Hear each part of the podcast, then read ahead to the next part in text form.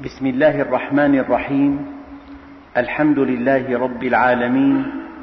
والصلاة والسلام على سيدنا محمد الصادق الوعد الأمين. اللهم لا علم لنا إلا ما علمتنا إنك أنت العليم الحكيم. اللهم علمنا ما ينفعنا وانفعنا بما علمتنا وزدنا علما وأرنا الحق حقا وارزقنا اتباعه وأرنا الباطل باطلا وارزقنا اجتنابه واجعلنا ممن يستمعون القول فيتبعون أحسنه وأدخلنا برحمتك في عبادك الصالحين. أيها الإخوة المؤمنون نتابع السورة التي بدأناها وهي سورة البلد. بسم الله الرحمن الرحيم. لا أقسم بهذا البلد وأنت حل بهذا البلد. وضحنا في الدرس الماضي أن هذا الشيء الذي أقسم الله به البلد لها معنيان. إما أن تعني الأرض كلها وما توافر فيها من حاجات الإنسان صغيرها وكبيرها جليلها وحقيرها أو أن تعني مكة المكرمة وقد تم الحديث عن هذا بفضل الله عز وجل. وأنت حل بهذا البلد. إن فسرنا البلد الأرض فأنت أيها الإنسان تسكن على سطح الأرض وترى بعينيك السماء وما فيها والأرض وما فيها وما بين السماء والأرض. ترى المشارق والمغارب ترى أنواع النباتات ترى أنواع الحيوانات ترى رزقك الكريم ترى أن الله سبحانه وتعالى خلق لك من نفسك زوجة تسكن إليها ترى أولادك بين يديك ترى الجبال ترى الأنهار ترى البحار ترى الأطيار ترى الأسماك وأنت حل بهذا البلد أنت على هذه الأرض. هذه الآيات التي يذكرها الله لك ليست بعيدة عن سمعك وبصرك. إنها بين يديك. إنك تعيشها كل يوم. وأنت حل بهذا البلد. وإن فسرنا البلد مكة المكرمة البلد الحرام التي جعلها الله مثابة للناس وأمنا منع فيها المنازعات منع فيها الحروب منع فيها سفك الدماء منع فيها الصيد جعلها مثابة له عودة إليه وجعلها آمنة وأنت حل بهذا البلد ومما يزيد حرمتها أنك فيها يا محمد. في آيات أخرى يقول الله عز وجل وما كان الله ليعذبهم وأنت فيهم بعضهم فسر هذه الآية بأن الله سبحانه وتعالى لا يعذب أمة تحب رسولها. ما دامت محبة النبي عليه الصلاة والسلام فيهم ما كان الله ليعذبهم. إذا ومما يزيد حرمة الكعبة أن النبي عليه الصلاة والسلام فيها. زادها حرمة على حرمة. والله سبحانه وتعالى حينما قال فلا أقسم بمواقع النجوم. ومواقع النجوم مسافات قد لا يستطيع العقل إدراكها. عشرة آلاف مليون سنة ضوئية. لا أقسم بمواقع النجوم. حينما لم يقسم الله بهذه الآية الكبيرة فلا أقسم بما تبصرون وما لا تبصرون. أقسم بعمره الثمين فقال لعمرك إنهم لفي سكرتهم يعمهون. ما هذا العمر؟ هذا عمر ثلاث وستون عاما أفاضت على البشرية هدى وسعادة. الأرض بأكملها سادتها الفضيلة والسعادة والتوحيد. إنسان واحد قلب المقاييس كلها. جاء الحياة فأعطى ولم يأخذ. قدس الوجود كله. رعى قضية الإنسان. زكى سيادة العقل. نهنه غريزة القطيع.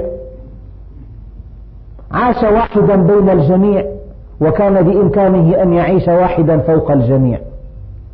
لذلك استحق النبي الكريم وهو سيد البشر أن يقسم الله عز وجل بعمره الثمين. لعمرك إنهم لفي سكرتهم يعمهون. فإذا قال الله عز وجل لا أقسم بهذا البلد وأنت حل بهذا البلد أي مما يزيد هذا البلد الحرام الذي جعله الله قياما للناس الذي جعله الله مثابة للناس. الذي جعله للناس منافع لهم الذي جعل فيه آيات بينات الذي جعل فيه الهدى ليعلموا أن الله يعلم. مما يزيد حرمة هذا البيت الحرام أنك فيه يا محمد. وبعض المفسرين قالوا وأنت حل بهذا البلد أي أن هؤلاء المشركين الذين لا يستحلون في الأشهر الحرم سفك دم ولا قتالا ولا صيدا. كيف يستحلون أن يؤذوك؟ وكيف يستحلون أن يخرجوك؟ وبعض المفسرين قالوا وأنت حل بهذا البلد بشرى للنبي عليه الصلاة والسلام في أن الله سبحانه وتعالى سيفتح عليه مكة وستكون حلا له ساعة من نهار. إن الله عز وجل حرمها منذ أن خلق السماوات والأرض وإلى قيام الساعة. إلا ساعة من نهار أحلها لنبيه عليه الصلاة والسلام. ثلاث معاني تعنيه كلمة وأنت حل بهذا البلد. وإذا فسرنا يعني أيها الإنسان هذه الآيات بين يديك وتحت سمعك وبصرك. ترى النعم تأكل الطعام تنام على فراش رزقك أذنين وأنت حل بهذا البلد. كل حاجاتك موفورة في الأرض تراها بعينك. أنواع المعادن أشباه المعادن أنواع المزروعات. طبيعة الأرض تربتها أنواع الأخشاب أنواع الحديد أنواع النحاس وأنت حل بهذا البلد. لكن الآية الثالثة الله سبحانه وتعالى خلق الأرض وخلق فيها من كل زوجين اثنين. لولا نظام التوالد لولا نظام التوالد على مستوى الإنسان والحيوان والنبات لانقرضت المخلوقات. كيف رتب الله سبحانه وتعالى نظام التوالد؟ لو وقفنا عند الإنسان كيف جهز الله عز وجل المرأة بأجهزة خاصة ورحما ومبيضين وثديين وخصائص تعينها على الحمل والولادة والرضاع؟ وكيف جعل المرأة بشكل مرغوب عند الرجل؟ وكيف زرع في قلب الرجل هذا الميل نحو الأنثى؟ من زرع هذا الميل؟ ومن زرع فيها ميل التطلع وإظهار ما عندها؟ من الذي جعل الزوجة سكنا للزوج؟ أليس الله سبحانه وتعالى قادرا على أن يخلق العباد كلهم دفعة واحدة. هو قادر. لماذا جعل نظام التوالد ووالد وما ولد؟ العلماء يقولون هو حفظ النوع الغريزة التي أودعها الله فينا من أجل حفظ النوع ولولاها لانقرض النوع البشري من على سطح الأرض. من جعل هذا الميل؟ زين للناس حب الشهوات من النساء والبنين. من زرع ميل حب الأولاد في النساء تريد أن تكون أما تحرص على ذلك مع أن الولادة والحمل وهن على وهن. من فعل هذا؟ ووالد وما ولد. يعني الله سبحانه وتعالى يشير إلى هذا النظام البديع نظام التوالد سواء على مستوى الإنسان أم على مستوى الحيوان؟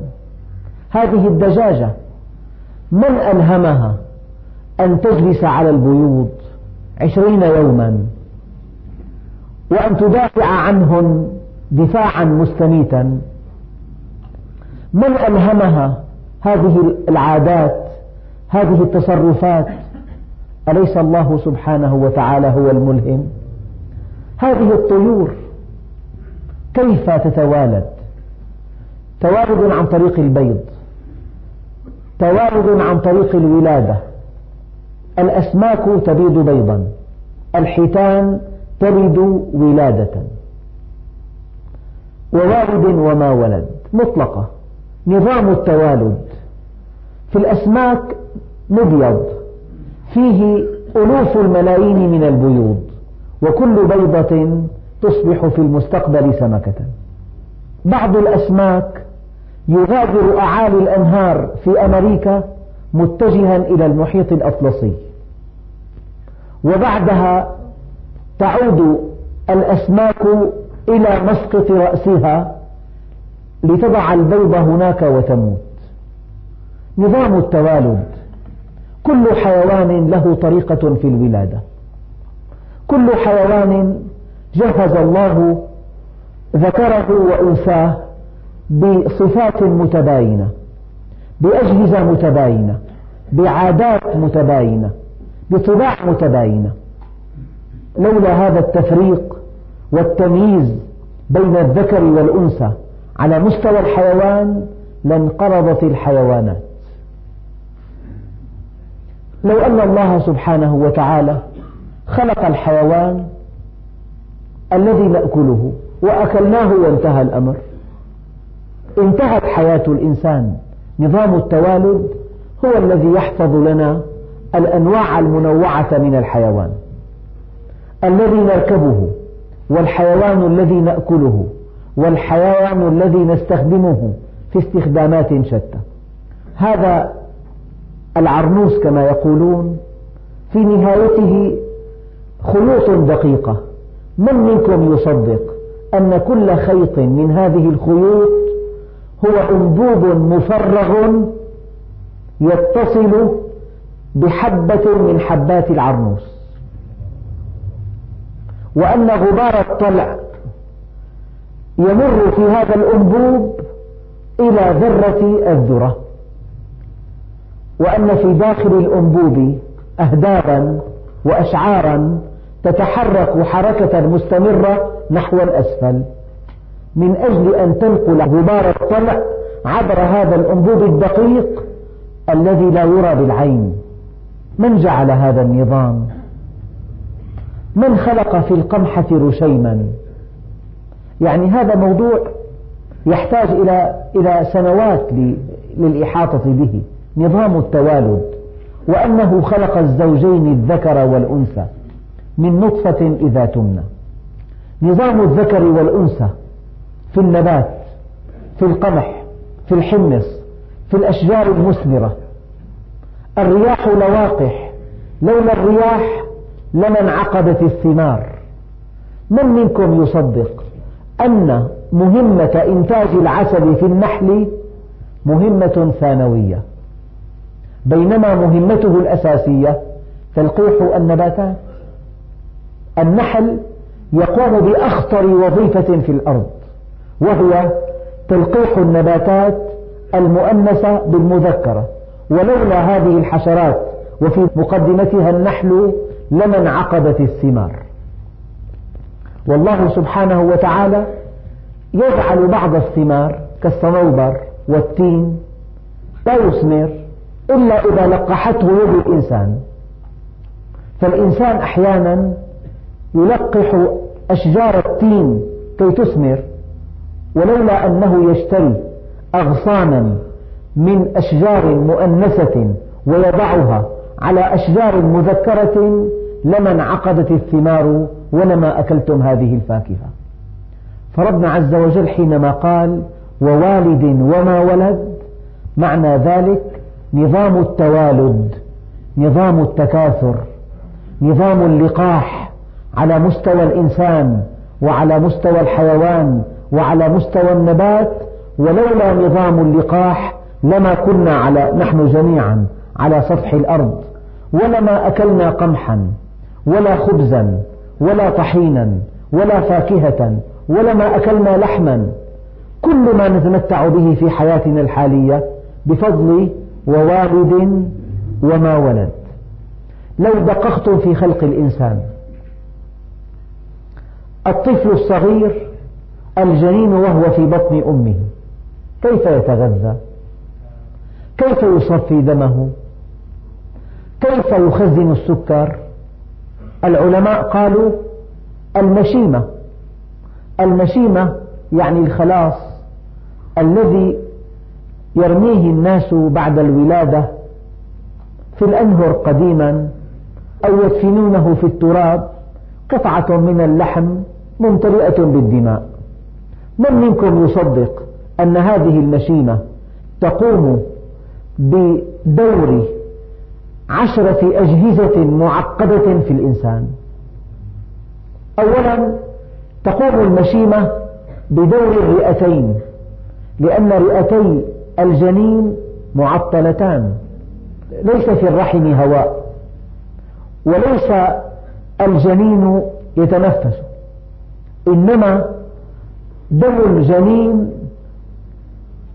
يذهب إلى بحيرات من الدم في المشيمة ويتبادر وإياها الأكسجين بحيث يعطيها غاز الفحم ويأخذ منها الأكسجين.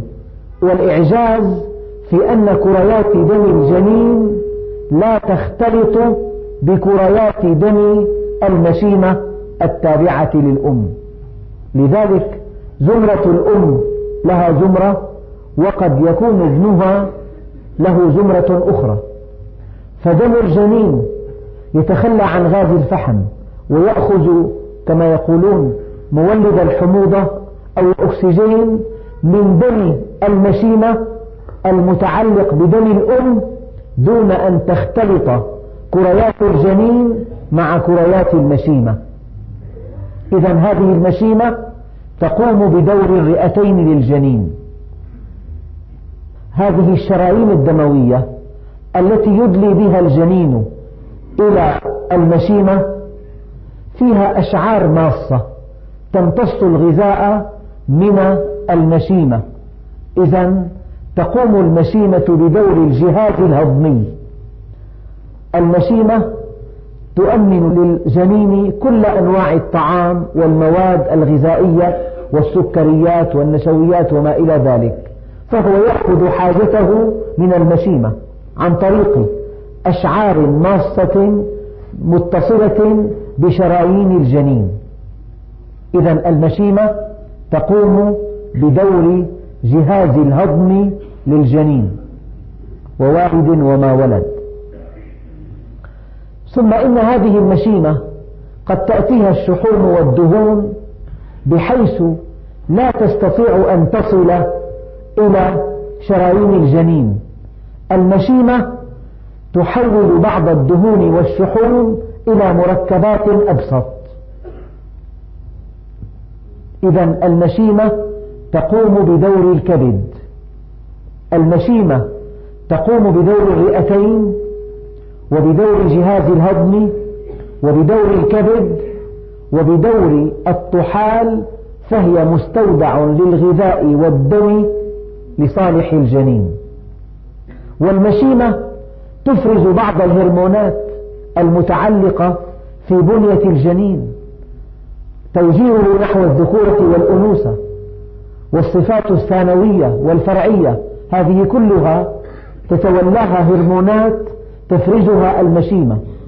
فهذه قطعة اللحم التي يرميها الناس في الأرض أو في طبق الولادة أو في النهر أو يدفنونها في الأرض من منكم يصدق أنها كائنا معجزا؟ رئتان ومعدة وأمعاء وغدد صماء و كبد وطحال وغدة نخامية تفرز هرمونات ربنا عز وجل لو دققنا في خلق الإنسان وحده.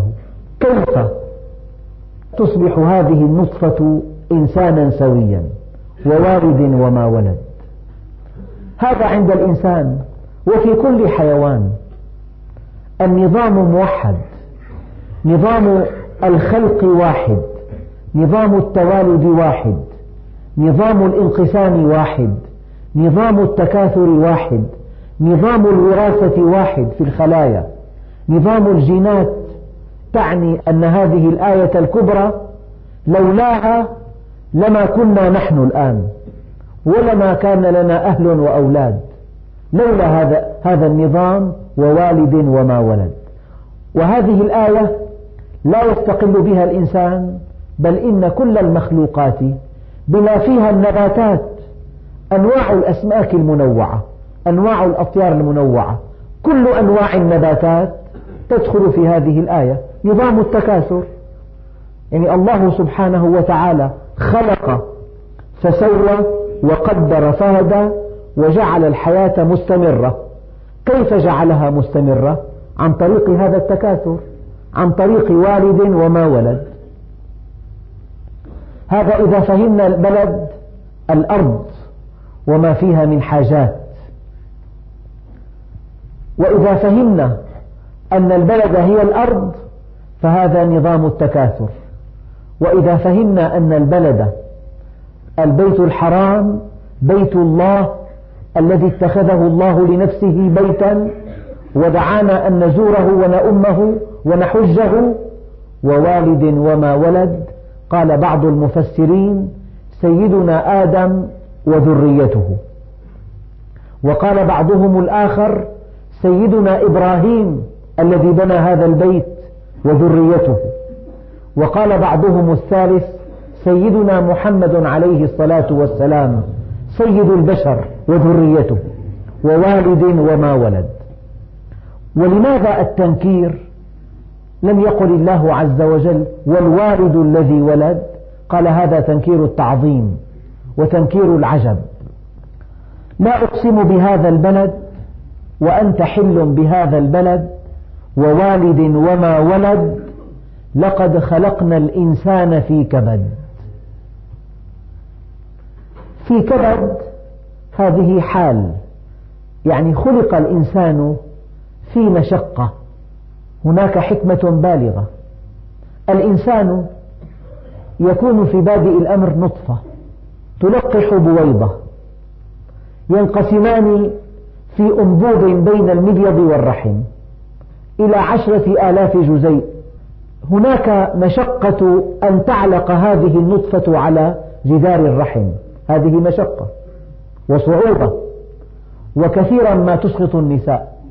هناك نساء لا تعلق هذه البويضة الملقحة على جدار الرحم. هناك صعوبة أن تعلق هذه البويضة على جدار الرحم.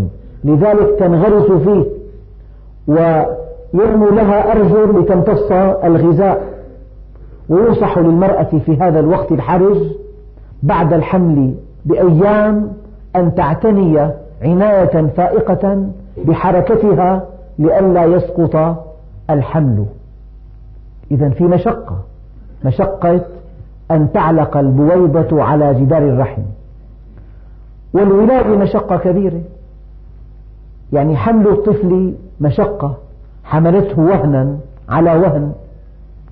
ووضعه صعوبة بالغة تتحرك عظام الحوض تتنبه عضلات الرحم تنبها متزامنا دوريا لطيفا كي يخرج هذا الجنين من ضيق الرحم إلى سعة الدنيا.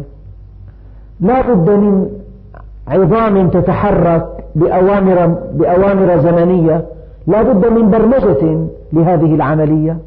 قبل يومين ينقلب الغلام. بعد يوم يتسع عظم الحوض. هرمون يذهب إلى الكبد ليطرح كميات كبيرة من الدم في الشرايين. هرمون آخر يعمل على تصنيع الحليب. يعني قضية في منتهى التعقيد لا نذكر في هذا المسجد إلا جزءا يسيرا يسيرا مما يقرأه الطلاب في كليات الطب. لقد خلقنا الإنسان في كبد ينزل إلى الأرض يبكي كيف سيتناول الغذاء كيف سيلتقم الثدي كيف سيخرج ما في أمعائه. وهكذا تبدأ الصعوبات صعوبة فصعوبة. حينما تظهر أسنان الطفل لقد خلقنا الإنسان في كبد. ترتفع حرارته ويتعكر مزاجه ويتألم ويبكي ويحار أهله فيه. وإذا أراد أن يمشي كان هناك صعوبات أخرى. فإذا كبر الغلام ودخل المدرسة فهناك صعوبات المدرسة والتعلم والوظائف والمعلم. فإذا انتقل إلى مدرسة أعلى الصعوبات تلاحق الإنسان منذ أن تتلقح البويضة بالحيوان المنوي إلى أن يموت. يعني مرة كنا بجنازة دخلنا المقبرة فلم نجد القبر. في أزمة قبور يعني كمان. يعني بعد ما بنموت كمان في أزمة. فربنا عز وجل قال لقد خلقنا الإنسان في كبد. يعني طبيعة الحياة مجموعة صعوبات لحكمة أرادها الله عز وجل. إن هذه الدنيا دار التواء لا دار استواء ومنزل ترح لا منزل فرح. فمن عرفها لم يفرح لرخاء ولم يحزن لشقاء.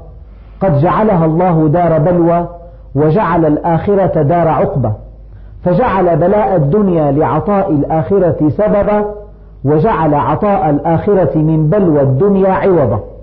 فيأخذ ليعطي ويبتلي ليجزي. وأوحى ربك إلى الدنيا أن تكبري وتمرري وتضيقي وتشددي على أوليائي حتى يحبوا لقائي. فالمعنى الأول قال المفسرون هذا المعنى فيه تسلية لرسول الله. ألا يعاني اللهم صل عليه. ألا يعاني من كفار قريش ومعارضتهم وتآمرهم وتكذيبهم إياه وإخراجهم إياه من مكة المكرمة. حينما عانى النبي ما عانى سلاه الله عز وجل وقال لقد خلقنا الإنسان في كبد. يعني الآن إذا واحد حب يكون طبيب يعني مرتبته الاجتماعية جيدة مقبولة لكن يدرس أكثر من خمس وثلاثين عاما. هل بقي في حياته بقدر ما مضى؟ حتى يكسر طبيب معه بورد بتلاقي 35 سنة لحتى. ومتاعب شراء العيادة ومتاعب الأجهزة ومتاعب يعني الحياة فيها صعوبات. هذا إذا واحد كان متفوق في دراسته كان على مستوى عالي من الذكاء وأتيح له أن يدخل الطب واندخل فروع أخرى في متاعب العمل وعدم إيجاد العمل. فربنا عز وجل لحكمة بالغة جعل الحياة ليبلوكم أيكم أحسن عملا. جعلها مجموعة من الصعوبات. جعل لكل شيء ثمنا. جعل كسب الحلال متعبا. من بات كالا في طلب الحلال بات مغفورا له. حكمة بالغة أن في الحياة صعوبة. هذا الذي يتزوج بعد الزواج إذا عاد إلى البيت وكانت حرارة ابنه مرتفعة. لا ينام الليل قلقا على ابنه. يخطر في باله التهاب سحايا. يخطر في باله مرض عضال. يخطر في باله موت ابنه. إذا مع أن الطفل نعمة كبرى لكنه يجلب لأبيه وأمه مجموعة من المتاعب. وبعد الزواج قد لا يكون وفاق بين الزوجين. قد تكون الزوجة عنيدة. قد لا يتوافق طبعها مع طبع زوجها. قد تنشأ مشاحنات. ما حكمة ذلك؟ ليبلوكم أيكم أحسن عملا. يعني السيارات كل أنواعها بالطريق المنحدر تنطلق بسرعة فائقة ولكن الطريق الصاعد تفرزها. هذه جيدة وهذه سيئة. لولا الطريق الصاعد لما عرفت الجيدة من السيئة؟ لذلك صعوبات الحياة كشف لمعدن الإنسان. لولا أن هناك أزمة؟ الحلم لا يظهر. لا يظهر الحلم إلا في الأزمات. الصبر لا يظهر. كيف يكشف الله عز وجل عبده الصبور من عبده اللجوج؟ بضائقة موحدة على الاثنين. هذا يكفر وهذا يصبر. لقد خلقنا الإنسان في كبد. هذا المعنى الأول. يعني هناك حكمة بالغة. من أن الحياة شاقة. مشاقها كشف لحقيقة الإنسان. الكرم لا يبدو في الرخاء يبدو في الشدة. أحب ثلاثا. وحبي لثلاث أشد. أحب الكرماء. وحبي للفقير الكريم أشد. بتقضي أيام الشهر الأخيرة بشكل متعب جدا. لولا هذا الدخل المحدود لما ظهر معدنك النفيس. لقد خلقنا الإنسان في كبد. الإنسان لا يقول ليش في متاعب بالحياة؟ هي المتاعب كلها من أجل أن نرقى في الجنة. لا جنة بلا متاعب. لا جنة بلا ضيق. بالضيق يظهر صبر الإنسان. يظهر حلمه. يظهر يقينه بالله عز وجل. تظهر حكمته. لو لم ترق هذه الزوجة للزوج. هناك من يطلقها. هناك من يصبر عليها. هناك من يكرمها. هناك من يجعلها تهتدي على يديه. لقد خلقنا الإنسان في كبد. هذا المعنى الأول. المعنى الثاني أن خلق الإنسان بهذه الصعوبة وتوفير كل حاجاته يعني لولا أن الله سبحانه وتعالى خلق الحاجة وخلق ما يلبيها لما عرفته. لو أن الله عز وجل خلقنا كالخشب الأصم ما في أجهزة. ليس هناك حاجة للطعام ولا للشراب ولا للنوم. أنت محتاج للنوم خلق لك صوفا وقطنا لتنام عليه. أنت محتاج إلى الطعام خلق لك طعاما منوعا. فواكه وثمار وحبوب وبقول. أنت محتاج إلى سائل تحل فيه هذه المواد. خلق لك الماء وجعله عذبا فراتا أنت بحاجة إلى مواد قاسية تصنع بها حاجاتك. خلق لك الحديد. أنت بحاجة إلى أرض تزرعها فتنبت فتأكل. خلق لك التربة ولم يجعلها صخرا. يعني خلق الإنسان بحاجة إلى أشياء كثيرة. وكل هذه الحاجات وفرها الله له من أجل أن تعرفه. هذا المعنى الثاني. يعني لولا أن الله سبحانه وتعالى خلق في هذا البلد الأرض كل حاجات الإنسان لكانت حياته شقاء في شقاء. لكن هذا الشقاء تلاشى. خلق لك الخشب كي تشعله. خلق لك المواد النفطية كي تبعث في الجسد الدفء. خلق البرد وخلق الطاقة. خلق الحر وخلق الأماكن المرتفعة. خلق الجوع وخلق الطعام. خلق العطش وخلق الماء. من أجل الاستمرار خلق الذكر والأنثى. خلق الأولاد من نسلك. تربيهم. فإذا كبروا أعانوك. بقدر ما أعنتهم. نظام متكامل. فالمعنى الأول طبيعة الحياة فيها مشقة لحكمة بليغة أرادها الله عز وجل وهي أن يكشف الإنسان على حقيقته أن يظهر الكريم وأن يظهر اللئيم وأن يظهر الحليم وأن يظهر الشحيح. كل هذه المعادن التي ينطوي عليها البشر إنما تنكشف لأن الإنسان خلق في كبد. يعني في مشقة. يعني الإنسان إذا أراد أن يأكل وجبة واحدة تحتاج إلى إعداد. قد تحتاج إلى ذهاب إلى السوق. قد تحتاج إلى ساعة من إعداد من أجل أن تأكل لقيمات. إذا أردت أن تتنزه تحتاج إلى إعداد ساعات. لقد خلقنا الإنسان في كبد في أعمال. في حرف في مهن. المعنى الثاني الله سبحانه وتعالى خلق الإنسان بحاجة إلى ملايين الأشياء.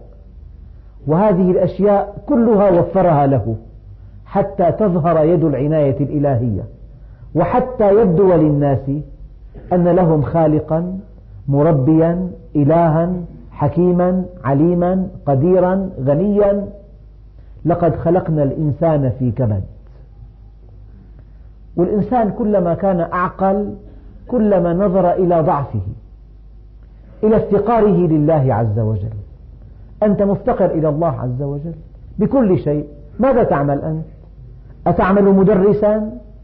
لو سلبت الذاكرة لا تبقى في التدريس ولا ساعة. تنتهي. بيجاملوك أسبوع أسبوعين بينهوا لك خدماتك يعطوك تقاعدية إذا كان لك 25 سنة خدمة. أقل تعويض انتهى الأمر. إذا إذا كنت تكسب قوتك من التدريس لولا هذه الذاكرة التي من الله بها عليك لما كنت كاسبا لقوتك. ماذا تعمل؟ طبيبا هذه الخبرات المخزنة في ذاكرتك الله سبحانه وتعالى يستطيع أن يسلبها منك في ثانية. هذه المستشفيات التي تمتلئ بأناس فقدوا عقولهم. أليسوا بشرا؟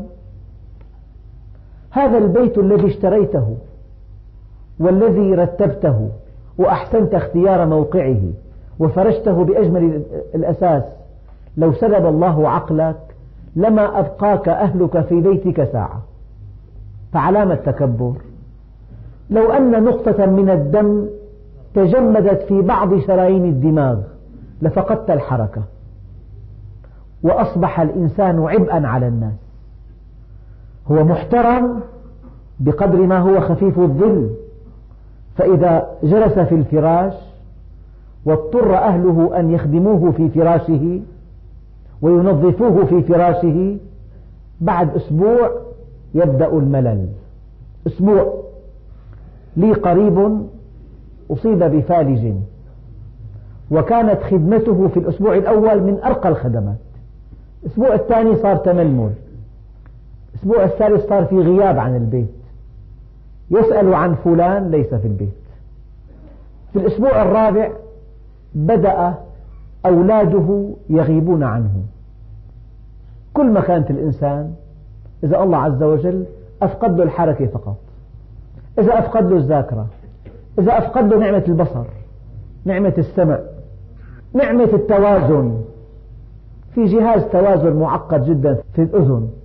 إذا اختل لا تستطيع أن تمشي وحدك أبدا. لقد خلقنا الإنسان في كبد.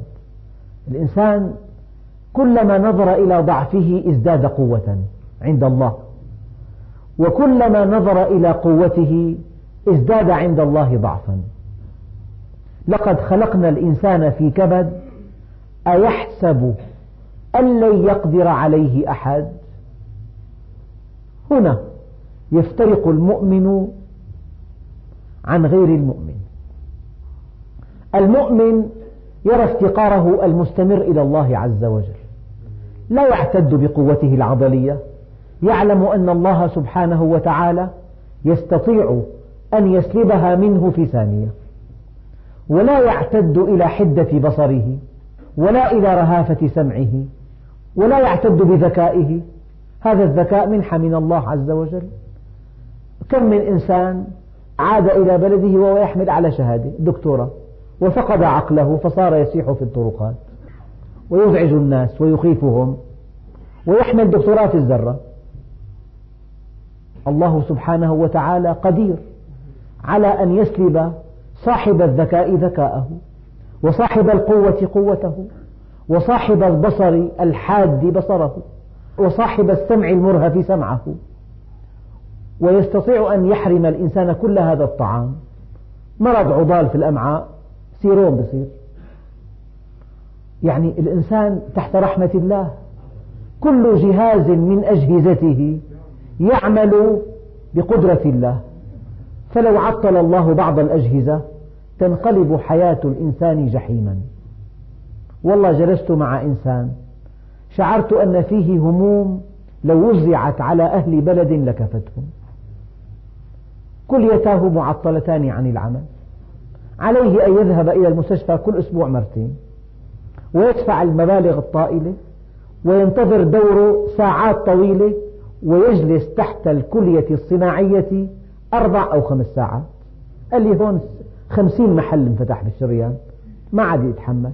هلأ هون قال لي بعد الشهر بالأرجل وآخرته هالشريان بيتحمل غزة غزتين ثلاثة خمسة عشرة. لقد خلقنا الإنسان في كبد لا يتكبر. إذا الإنسان دخل لبيت الخلاء وخرج الحمد لله الذي أذهب عني ما يؤذيني وأبقى لي ما ينفعني. لو تعطلت هذه الكلية ما العمل؟ الحياة جحيم. لو تعطلت بعض الأجهزة ما العمل؟ الحياة جحيم. فالآية أيحسب أن لن يقدر عليه أحد؟ المتكبر أحمق. والمعتد بقوته غبي. من أنت؟ مهما كان الإنسان عظيما. قد يسلبه الله شيئا في صحته فيصبح عاجزا. والقصة المشهورة أحد الملوك سأل وزيره وقد طلب كأس ماء. فقال له الوزير يا أمير المؤمنين بكم تشتري هذا الكأس إذا منع عنك؟ قال بنصف ملكي. قال وإذا منع إخراجه؟ قال بنصف ملكي الآخر. فقال إن ملكك يعدل هذا الكأس من الماء. أيحسب الإنسان أن لن يقدر عليه أحد؟ إذا كان تحت يدك يعني غلام يعمل في المحل التجاري لا تظلمه لا تستعلي عليه لا تخوفه بالطرد من العمل دائما لا تستغل حاجته لك تعطيه أجر لا يساوي شيئا. سيدنا رسول الله اللهم صل عليه قال لبعض أصحابه وكان الصحابي يضرب غلامه قال له اعلم أبا ذر أن الله أقدر عليك منك عليه. اعلم أن الله أقدر عليك منك عليه. وإذا كان واحد عنده زوجة جيدة هو جاهل لا يستعلي. هي ما لا أحد ما لا أهل مقطوعة. أقل كلمة مع السلامة لبيت أهلك. واحد بيجي الساعة اثنتين كل يوم على البيت. يعني بعد شهرين ثلاثة قالت له زوجته لك نحن أهلك نحن صار معنا. قال افتحي الدرج خدي متأخرك مع السلامة. استعلاء. أيحسب الإنسان أن لن يقدر عليه أحد؟ أيام المال عدو الإنسان. المال بيعطي عظمة فارغة. بيعطي تضخم للشخصية كبير جدا. أيحسب الإنسان أن لن يقدر عليه أحد؟ يا الله عز وجل يقدر عليه في الدنيا وفي الآخرة وفي أية لحظة من لحظات حياته. يريه ضعفه. هذا الإنسان يقول أهلكت مالا لبدا. أنا عملت العرس بالفندق الفلاني. دفعت ثمانين ألف ليرة. أنا عملت حفلة فلانية كلفتني كذا. ربنا عز وجل قال أيحسب الإنسان أن لن يقدر عليه أحد يقول أهلكت مالا لبدا؟ من دون عد فلان لا يعد أمواله ولكنه يزنها بالميزان. أيحسب أن لم يره أحد؟ حين جمع هذا المال أليس الله يراه كيف جمعه؟ ومن أين جمعه؟ بالكذب بالحرام بالغش بالربا بالغصب. أيحسب أن لم يره أحد؟ ألا يعلم هذا الإنسان أن الله بالمرصاد؟ يراه كيف جمعه؟ وفي معنى آخر أيحسب الإنسان وقد جمع هذا المال أن لم يره أحد أن جمع هذا المال تم بفضل الله ونعمة الله وتوفيق الله؟ كم من إنسان متقد ذكاء لا يملك قوت يومه. ولو كانت الأرزاق تجري مع الحجى هلكنا إذا من جهلهن البهائم. الإنسان مرزوق من الله عز وجل. يعني الله عز وجل يسوق الناس إليك. لو أنه صرفهم عنك ماذا تفعل؟ تغلق المحل تضعه برسم التسليم.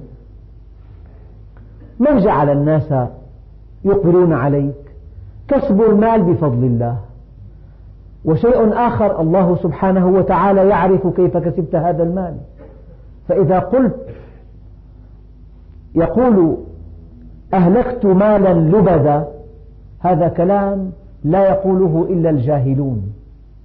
إن أنفقوه أنفقوه إسرافا وتبذيرا. وإن منعوه منعوه بخلا وتقتيرا.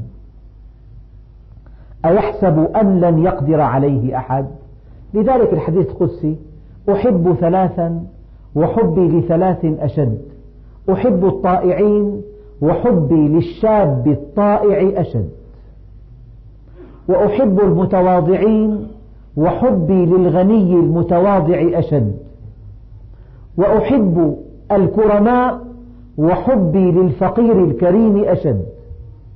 وأبغض ثلاثا وبغضي لثلاث أشد أبغض العصاة وبغضي للشيخ العاصي أشد. وأبغض المتكبرين وبغضي للفقير المتكبر أشد. وأبغض البخلاء وبغضي للغني البخيل أشد. يقول أهلكت مالا لبدا. أيحسب أن لم يره أحد؟ كيف جمع المال؟ وكيف أنفقه؟ وبأي أسلوب وصل إليه؟ عن طريق الكذب أم الغش أم الخداع أم السرقة أم الاغتصاب. في الدرس القادم إن شاء الله تعالى نتابع تفسير قوله تعالى ألم نجعل له عينين ولسانا وشفتين وهديناه النجدين؟ فلا اقتحم العقبة وما أدراك ما العقبة؟ فك رقبة. أو إطعام في يوم ذي مسغبة يتيما ذا مقربة. أو مسكينا ذا متربة. ثم كان من الذين آمنوا وتواصوا بالصبر وتواصوا بالمرحمة. المقطع هذا متكامل فأرجئه للدرس القادم. والحمد لله رب العالمين الفاتحة.